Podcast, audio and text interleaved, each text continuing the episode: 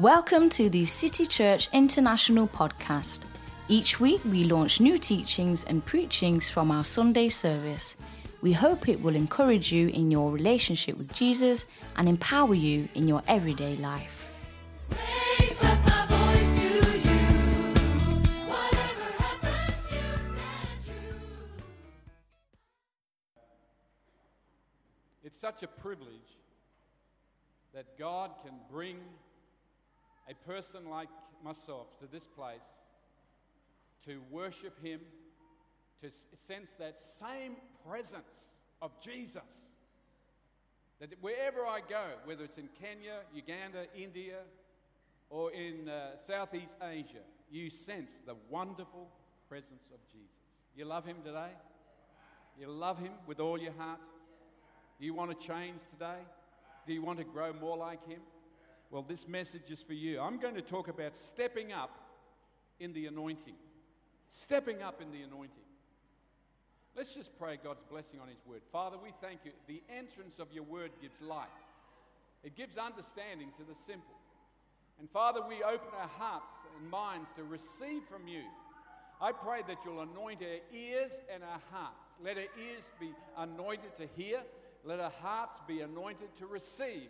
And Father, I pray that when we leave this building, we will leave, Father God, knowing that we've heard from you, knowing, Father God, that we don't want to just be hearers of your word, but we want to be doers of your word. Father God, we look to you and we bless you and give you praise, glory, and honor. And everyone said, Amen. Church, God wants you to walk in His anointing.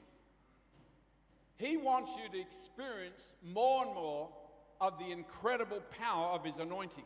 He wants you to learn to operate in the gifts of the Holy Spirit that He's put on your life. But I also know that this afternoon that He wants to impart, impart a fresh anointing upon our lives. We need a fresh anointing daily. We need to receive that fresh anointing. And God's anointing releases healings, deliverances, miracles, signs, and wonders. When God's anointing comes upon us, it releases His power in our lives. But this same anointing also helps us in our everyday life. Whether you're at work, whether you're at home or you've gone shopping, the anointing of God abides in you. You have the anointing upon you in your marriage, raising up children. Church, we need the anointing to raise up our children. We need that anointing. That ability, the anointing is simply the ability of God upon our lives. We need the anointing to raise up our children. We need the anointing in our church life. Our involvement in the church, we need God's ability upon our lives. And like Joshua, the anointing gives you the ability to be strong and courageous. He wants us to be strong and courageous in the world in which we live. So, the anointing, what is it? It is joy, it is passion, it is power, it's glory, it's confidence, it's boldness, it's authority. It makes you cry, it makes you laugh, it gives you righteous anger against the devil. It's the power to preach, the power to sing, the power to witness, to testify, to do spiritual warfare. It comes suddenly and it takes time. It is meek and yet it is strong. Remember, the anointing that comes upon you is not your anointing, it's His anointing. It's His ability that comes upon you. Whatever you may be facing right now, you may be going through trials and tribulations, you may be going through some hardships and difficulties, or anything you feel that you aren't able to handle or break free from. God wants you to know that you are anointed for this. Whatever situation, the anointing is upon you. You might be going through particular seasons of hardship in your finances, saying, God, how can I make ends meet? You need to know that you are anointed for this. The Word of God declares, and my God. Can you say that, church? My God shall supply all your needs according to his riches and glory by Christ Jesus. King David said, I have been, been young and now I am old, yet I have never, never, never, never seen the righteous forsaken, nor his seed begging bread. Come on, church. Hallelujah. I have never seen the righteous forsaken. You're coming out of this. There is an anointing upon you to believe God for the unbelievable. You may have received a bad report from your doctor. You know, last year, no, it was a couple of years ago, I went to the doctor and he said, uh, There's something wrong with your heart. It's irregular, it's not beating properly. And the immediate thought came to me was fear. The enemy likes to come with fear. The next day, I began to read the Psalms. And in Psalm 77, it says, God is the strength of my heart and my fortress. I said, God, you're the strength of my heart. I've just heard the doctor's report. I've just heard what the enemy wants to say to me, try to put fear in my heart. But I declare today that you are the strength of my heart. You have an anointing to bring strength to my heart. You have the anointing this morning, this afternoon, church. You have the anointing. Whatever the doctor may have said to you, you have the anointing to face any untoward situation. Whose report will you believe? We shall believe the report of the Lord. I declare we shall believe the report of the Lord. All things are possible to who them who believe, Jesus said. He again says, with men this is impossible, but with God all things are possible. You are anointed to walk in victory. You are anointed to see victory in your life over any untoward situation. Whatever you're facing right now, there is an anointing to help you face those situations.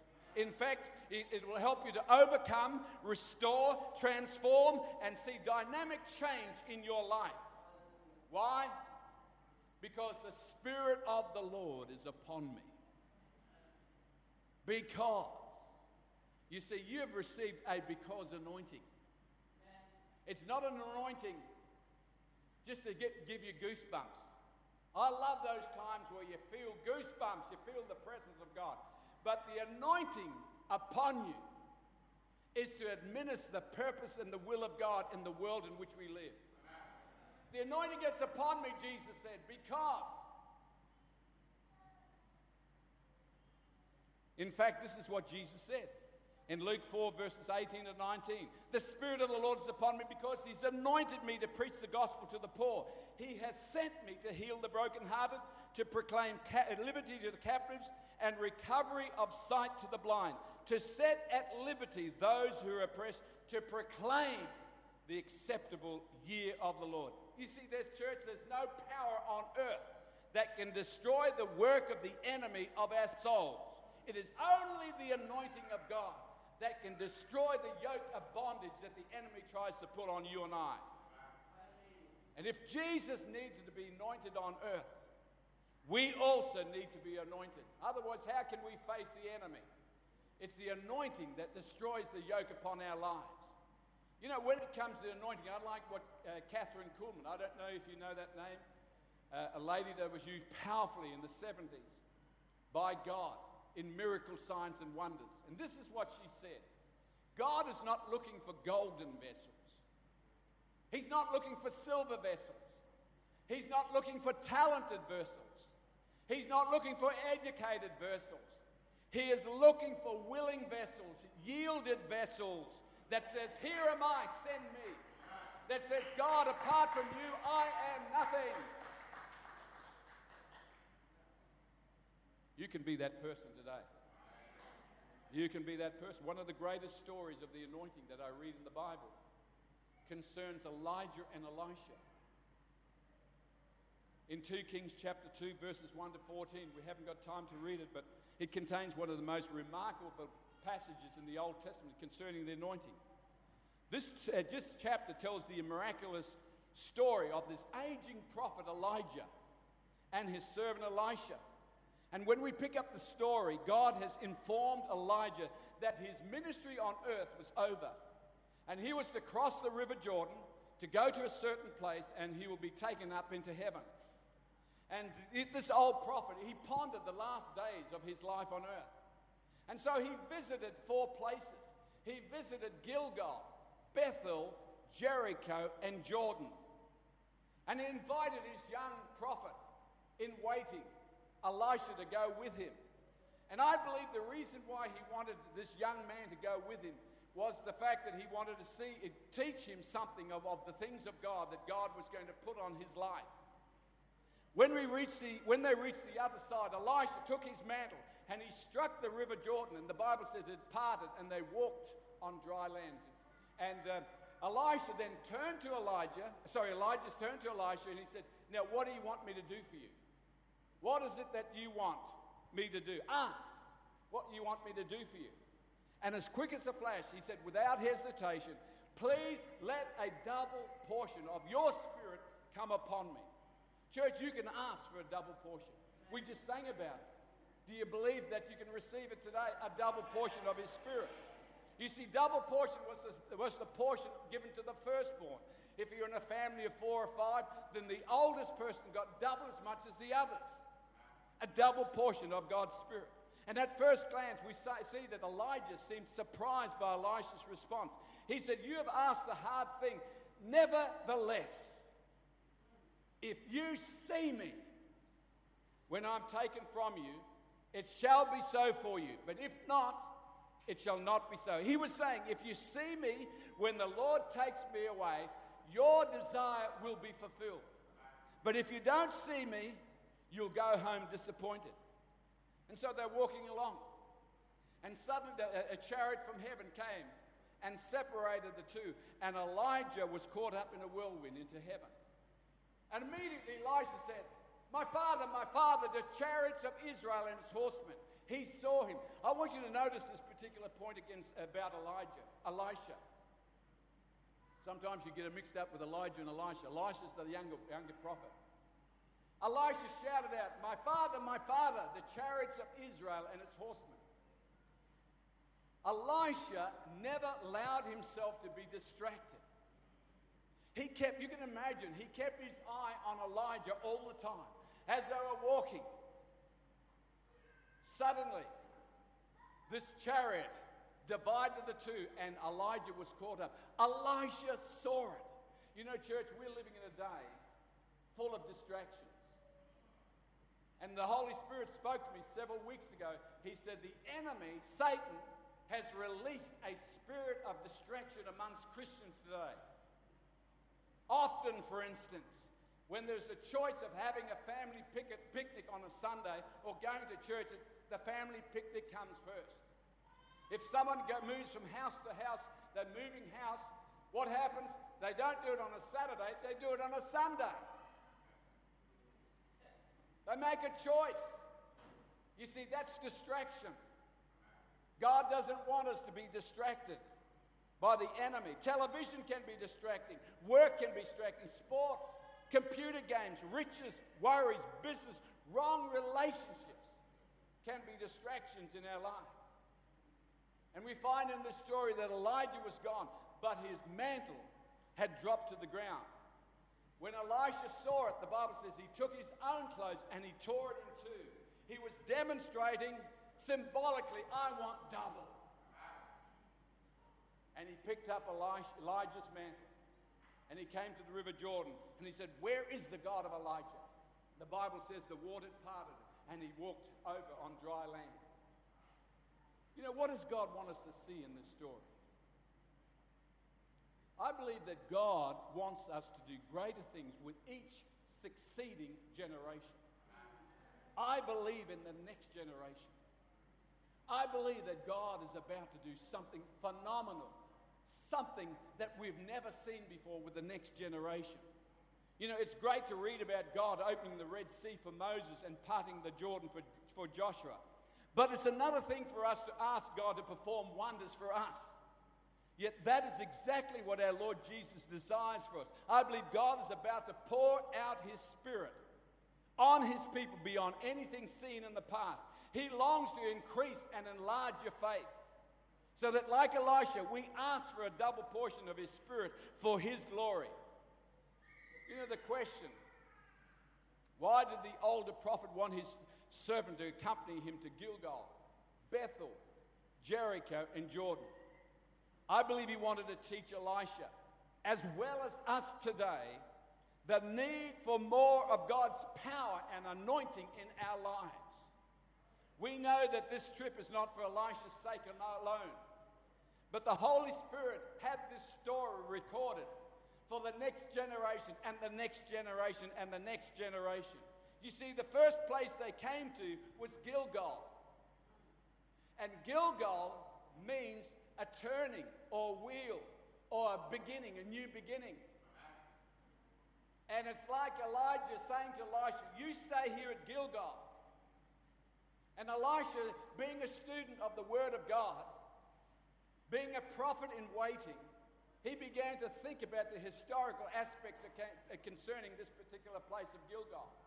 I don't want to stay at Gilgal and just go around in circles. You know, Christians today are still going around in circles in their Christian walk. And they wonder why nothing happens in their lives. It's the place of new beginnings. It's the place where we all came to when we first gave our life to Jesus Christ. We come to Gilgal, the place of beginning, the place of turning. But if we stay there, all we'll do is turn around in circles and nothing happens at Gilgal except this.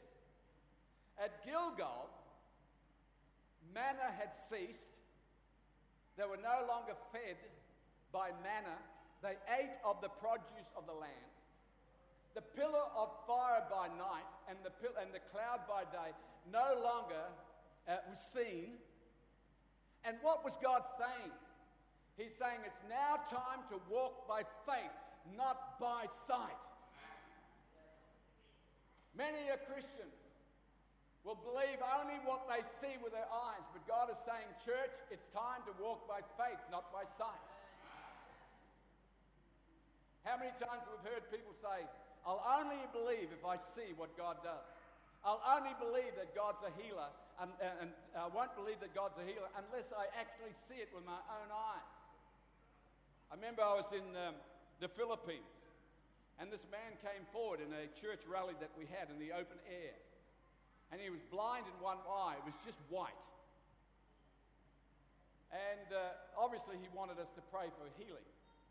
So, as we prayed for him, restore his sight, suddenly we saw that white around his eyes started to recede.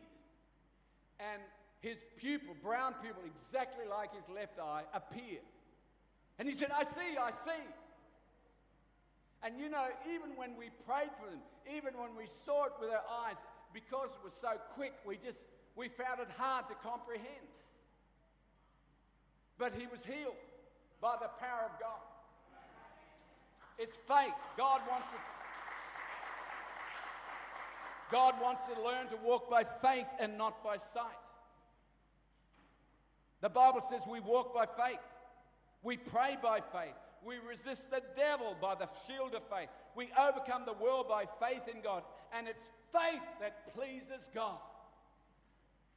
Elijah said to Elisha, Stay here. And Eli- Elisha said to Elijah, As the Lord lives and as your soul lives, I will not leave you. I don't want to stay in a place and just walk around in circles. I don't want to stay in a place and learn uh, the truth about faith. I don't want to learn the. Th- I just want to. Don't, I don't want to just learn theory about faith. I want to experience the demonstration of faith in my life. You know, some people can talk about faith all their lives, but nothing happens in their life. It's demonstrated. Faith is always demonstrated. So they came to a second place called Bethel. Bethel means a house of God. It also means the place of prayer, a house of prayer. That's where Abraham built an altar to connect with God. The Bible says he went away and he came back to Bethel and built an altar to God. But you see, Bethel also means the place of dreams. A place of dreams. And Elisha, as he began to think about and ponder concerning this place called Bethel, he was reminded in his own mind and heart that something happened at Bethel. A young man that was going on a journey, that had uh, run away from an unhealthy situation that he created at the home where he stole his brother's, uh, his older brother's um, birthright, and he's running away from this unhealthy situation. And he came to this place called Bethel. And the Bible says he put a rock down for a pillow. And as he put his head on the rock, um, he had a dream. He had a dream of a ladder from heaven to earth, and as, as angels ascending and des- descending. He had a dream, and it was like Elijah saying, Elisha, stay here, please. God has sent me on to Jericho. Stay here and dream dreams.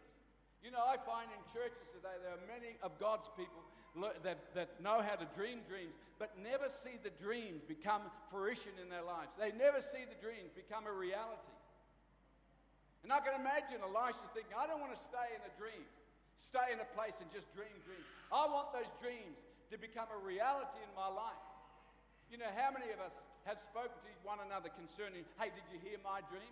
What was your dream? Now, let me tell you mine first. Uh, no, no, I've got a great dream. I had a dream last night.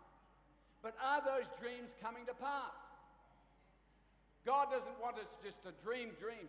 He wants those dreams to become a reality in our life. And Elisha did not want to stay around and talk about his dreams all day. He wanted the dreams to become a reality. He had received faith. He'd learned to walk by faith in Gilgal. And now he's at, Jer- at Bethel. And he said, God, I have the faith to believe that those dreams will come to pass in my life. And, church, when you start to believe the dreams that God has put on your heart, some of you have had incredible dreams. Incredible dreams. But God wants those dreams to become a reality in your heart and in your life. And so the third place they came to was Jericho. Now, Jericho means a city of palms, palm trees. It means a pleasant place. It, may, it means a place. In fact, it actually means, it doesn't mean this, but this is how the impression that it gives. Jericho is a place where you can just retire and take it easy. It had beautiful weather like we have having here in, in Sweden right now in the summer. I'm glad the weather is good. I actually uh, emailed the secretary and said, What's the weather like here? Because we're in winter in Australia and it's quite cold. Well, when we say cold, it's nothing like the cold here. You know, a cold day in, in, in, our, in, in Australia, where I am anyway, you know, 15 degrees is cold in the daytime, and 7 at night is still cold. But I heard it gets below 20 degrees here. Mate, I couldn't, I couldn't survive.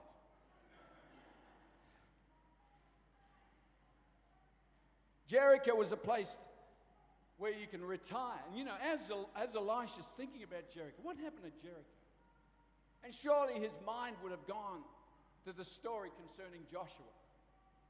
Joshua, how God gave Joshua a great victory, and the walls of Jericho came tumbling down. You see, Jericho is a place where you can talk about past victories, the things that God did in your life. We had a man come to our church last year, and he came forward for prayer with his wife, first time in our church. And I said, What would you like me to pray for? And he began, before he asked, uh, uh, uh, gave me the reply to that, he began to tell me what God had done in his life. He said, I've seen miracles. I've seen people powerfully touched by the power of God. I've seen people, I've, I've led people to the Lord. And I said, How long ago was this? He said, 30 years ago. I said, What is God doing today? 30 years ago. And so he goes around talking about what God used to do 30 years ago. When I questioned him, What is God doing in your life today? He couldn't come up with an answer. You see, God is the God of today. It's good to talk about what God used to do, to stir our hearts, to say, God, I'm stirred to see what you can do today and tomorrow. I don't want to talk, sit around and talk about what, the God, what God used to do. I want to experience what God is doing in my life and my heart today and what He's doing in the ministry that He's called me into. And God is saying to His church, yes, it's good to talk about the past. Talk about what God did in, in your life. in the ministry that He's called. But don't stay in that place. Saying, God, you see, the word testimony, testimony in Hebrew means do again, Lord. So He's saying, when you share a testimony, do it again, Lord. Do it again. You know, for instance, we have a man in our church had cancer in his head, his brain. He was just riddled with cancer. And the doctors didn't give up, uh, did, didn't give much hope. But the church began to pray. You see, something happens when the church begins to pray. When church gets together and prays for things and see God demonstrate his power and his love to the things that you're praying for, the people that you're praying for. Only last week, after uh, six months of treatment and so on, where the doctors thought that he was finished, you see, whose report will you believe? And after prayer, the doctors gave him a clean bill of health. He is totally free from that cancer. Here, here it is, church. If God can do it for that man, he can do it for you and I. Whose report will you believe? We don't ignore the reports of the medical profession, but they can only go so far. We have a great physician that created our bodies, that can bring healing and wholeness to our lives. Stay in Jericho. He says, As the Lord lives and your soul lives, I will not leave you. You see, he knew he couldn't im- impact anyone anywhere until he received his own touch from God, his double portion from God. He was telling Elijah, I respect the faith of my fa- forefathers, I respect the spiritual giants of the past, but I know God wants to do something new. And I have a greater tou- I need a greater touch from him than ever seen before. You know, I love reading the stories of what God did with Oral Roberts, Kathryn Kuhlman, and, and Billy Graham, and all these great men and women of God that God impacted the world through their lives and through their ministry. But I'm saying, God, raise up young people today. Raise up men and women today. Young people. God wants to put His Spirit upon you in ways you've never seen before. What happens to the older people, our generation? Listen, God hasn't forgotten us. Hallelujah. Because we have the wisdom, the insight, the understanding that we can impart to the next generation.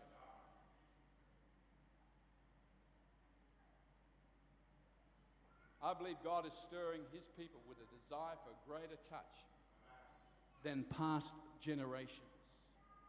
The fourth place they came to was Jordan. You see, Jordan is the place where your spiritual eyes are open. It's the place of vision. John the Baptist saw. This is what it says in John 1:32. John said, "I did not know him, but he who sent me to baptize with water said to me, upon whom you see the Spirit descending and remaining upon him, this is he who baptizes with the Holy Spirit. And I have seen and testified that this is the Son of God. You know, it's amazing. It was after, after they crossed over Jordan that the question was asked What may I do for you? What do you want me to do for you? And Elisha said, Please let a double portion of your spirit be upon me. Now, Jordan means descending or flowing down. Remember, the only way the anointing flows, according to Psalm 133, is downward. The anointing always flows from the head down. And if you are properly positioned within the body of Christ, if you find your place and remain there, the anointing will descend and come upon you. You see, Elisha experienced twice as many miracles as Elijah did. That's the next generation.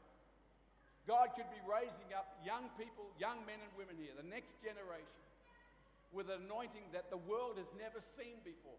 Greater things than these you'll do, Jesus said. And Elisha You know, he knew he couldn't impact Gilgal, Bethel, Jericho until he received his own touch. You and I cannot affect our cities in which we live in unless we receive the touch from, the, from Almighty God. And God wants to touch us, He wants to impart into us. I want you to sh- show you something in closing. In verse 19 of 2 Kings chapter 2, it says, The men of the city told Elisha, Please notice, the situation of this city is pleasant. It's happy. That's what it means.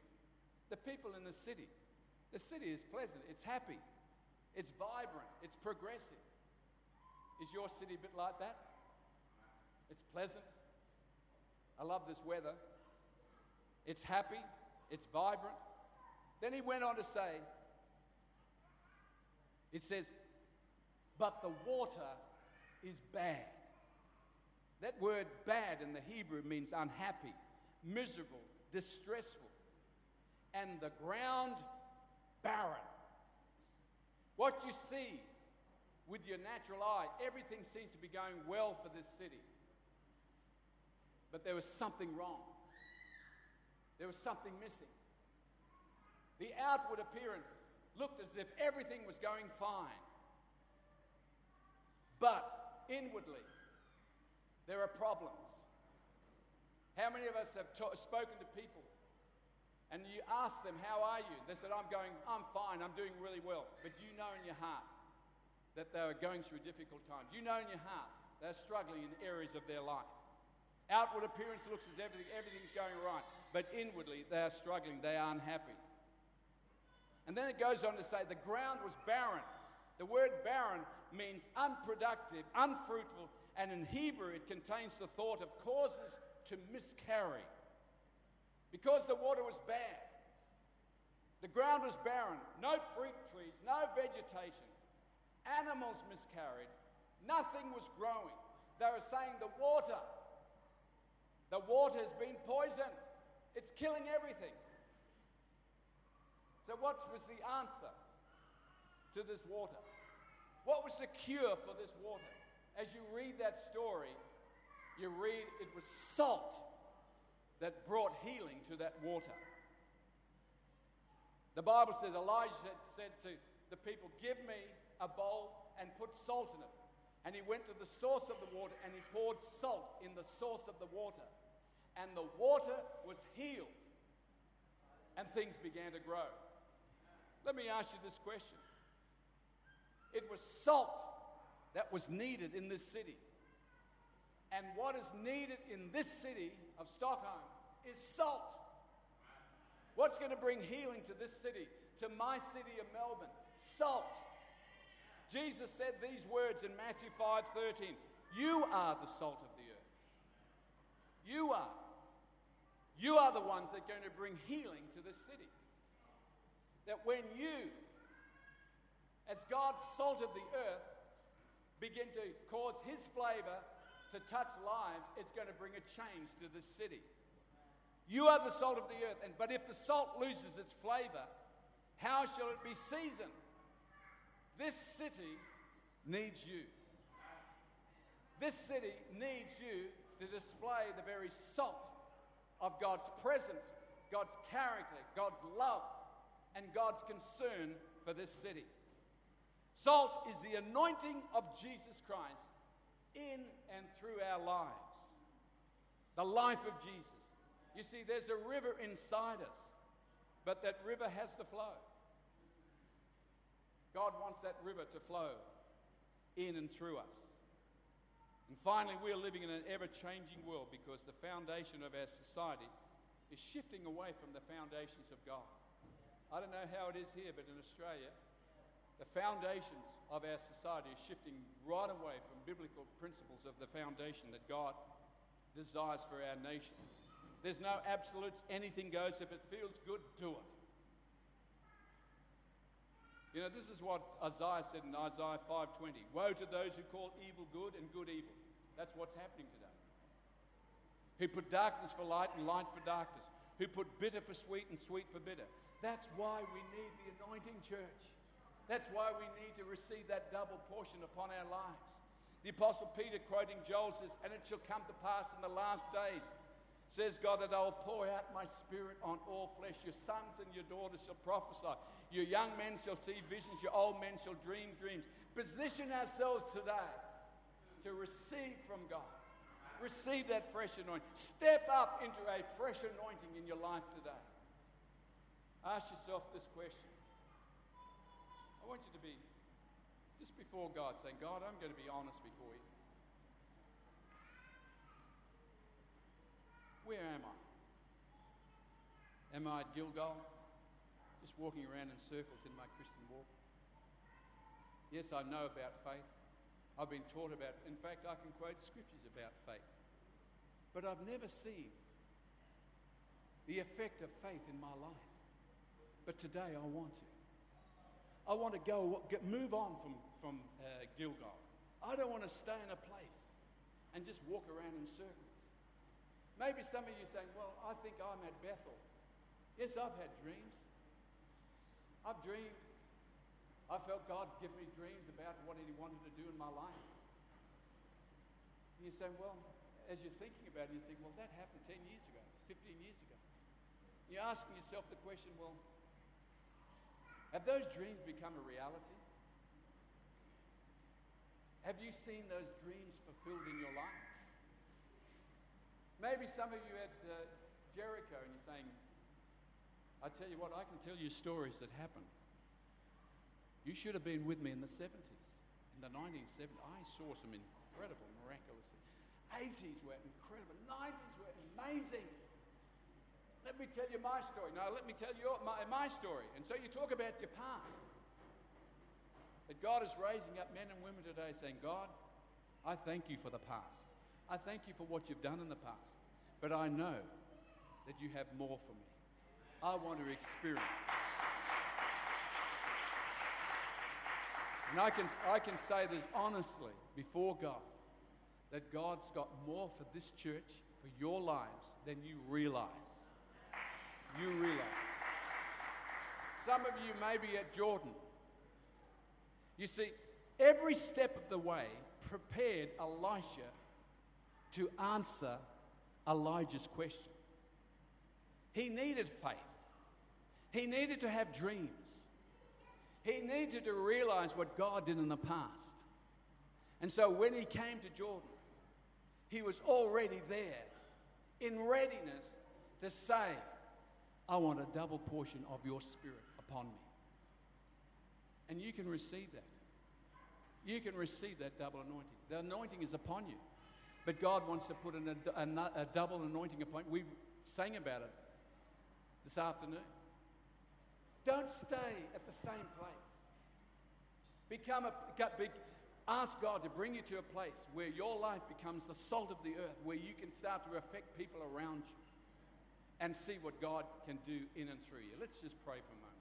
Father, we just want to thank you. Thank you for what you're doing in the life of this church. Thank you, Father God, what you're doing in the life of people. And I know, Father, that you are stirring the hearts of many people. That people here are knowing what you've done in their lives. They've looked at the past and they've seen what you've done in other people. They've heard stories. They've heard people talk about their dreams. Maybe they've talked about their dreams. Maybe they're in the place where they, God, I don't want to stay in a place and just talk about faith and, uh, and uh, memorize scriptures on faith. I want those faith, uh, faith things to become a reality in my life.